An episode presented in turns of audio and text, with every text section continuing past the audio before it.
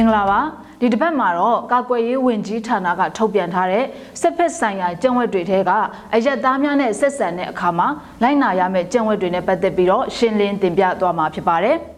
အရက်သားတွေကိုဆက်ဆံတဲ့အခါမှာလိုက်နာရမယ့်ကျင့်ဝတ်တွေထဲမှာအပိုင်း၅ပိုင်းရှိပါတယ်အဲ့ဒီအပိုင်း၅ပိုင်းတွေကအပိုက်၃ပိုက်ကိုအရင်ဆုံးရှင်းလင်းတင်ပြသွားမှာဖြစ်ပါတယ်ပထမဆုံးအချက်တစ်ခုကတော့အရက်သားပြည်သူများကိုယိုသေးစွာဆက်ဆံရမည် နောက်တစ်ခုကတော့အရက်သားပြည်သူများအပေါ်မောက်မာရိုင်းပြခြင်းစော်ကားခြင်းအနိုင်ကျင့်နှိပ်စက်ခြင်းမူရစ်ရန်ကားခြင်းမပြုရနောက်ဆုံးအပိုက်တစ်ခုကတော့အရက်သားများအားတစားခံသို့မဟုတ်လူသားတိုင်းအဖြစ်အသုံးပြုခြင်းမပြုရဆိုပြီးဖော်ပြထားပါတယ်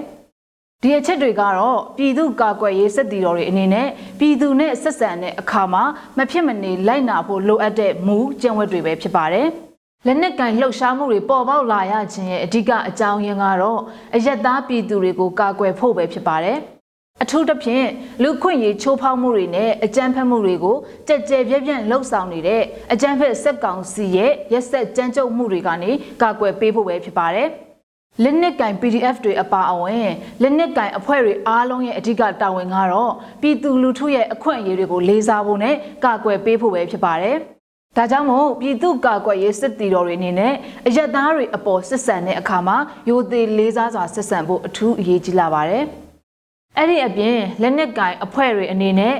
အယက်သားပြည်သူတွေအပေါ်မှာနှုတ်အားဖြင့်စော်ကားတာအမှုရာအားဖြင့်ရိုင်းပြတာမျိုးမပြုလုပ်ဖို့နဲ့လက်နက်မဲ့ပြည်သူတွေအပေါ်မှာအနိုင်ကျင့်စော်ကားတာနှိပ်စက်ညှဉ်းပန်းတာမျိုးမပြုလုပ်ဖို့အတွက်စောင့်ထိန်ဖို့လိုအပ်ပါတယ်။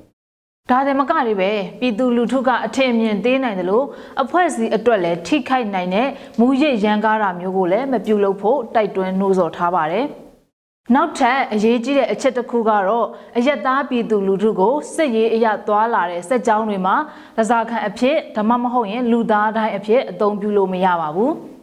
အဲ့ဒီလိုလှုပ်ဆောင်တာဟာအပြစ်မဲ့ပြည်သူလူထုကိုစစ်ရေးအရာအသုံးပြုပြီးတော့အန်တရယ်ဖြစ်အောင်လှုပ်ဆောင်တာပဲဖြစ်ပါတယ်ဒီလိုလှုပ်ဆောင်မှုဟာဆိုလို့ရှိရင်စစ်ပွဲဆိုင်ရာရာဇဝတ်မှုကိုကျူးလွန်ရလဲမြောက်ပါတယ်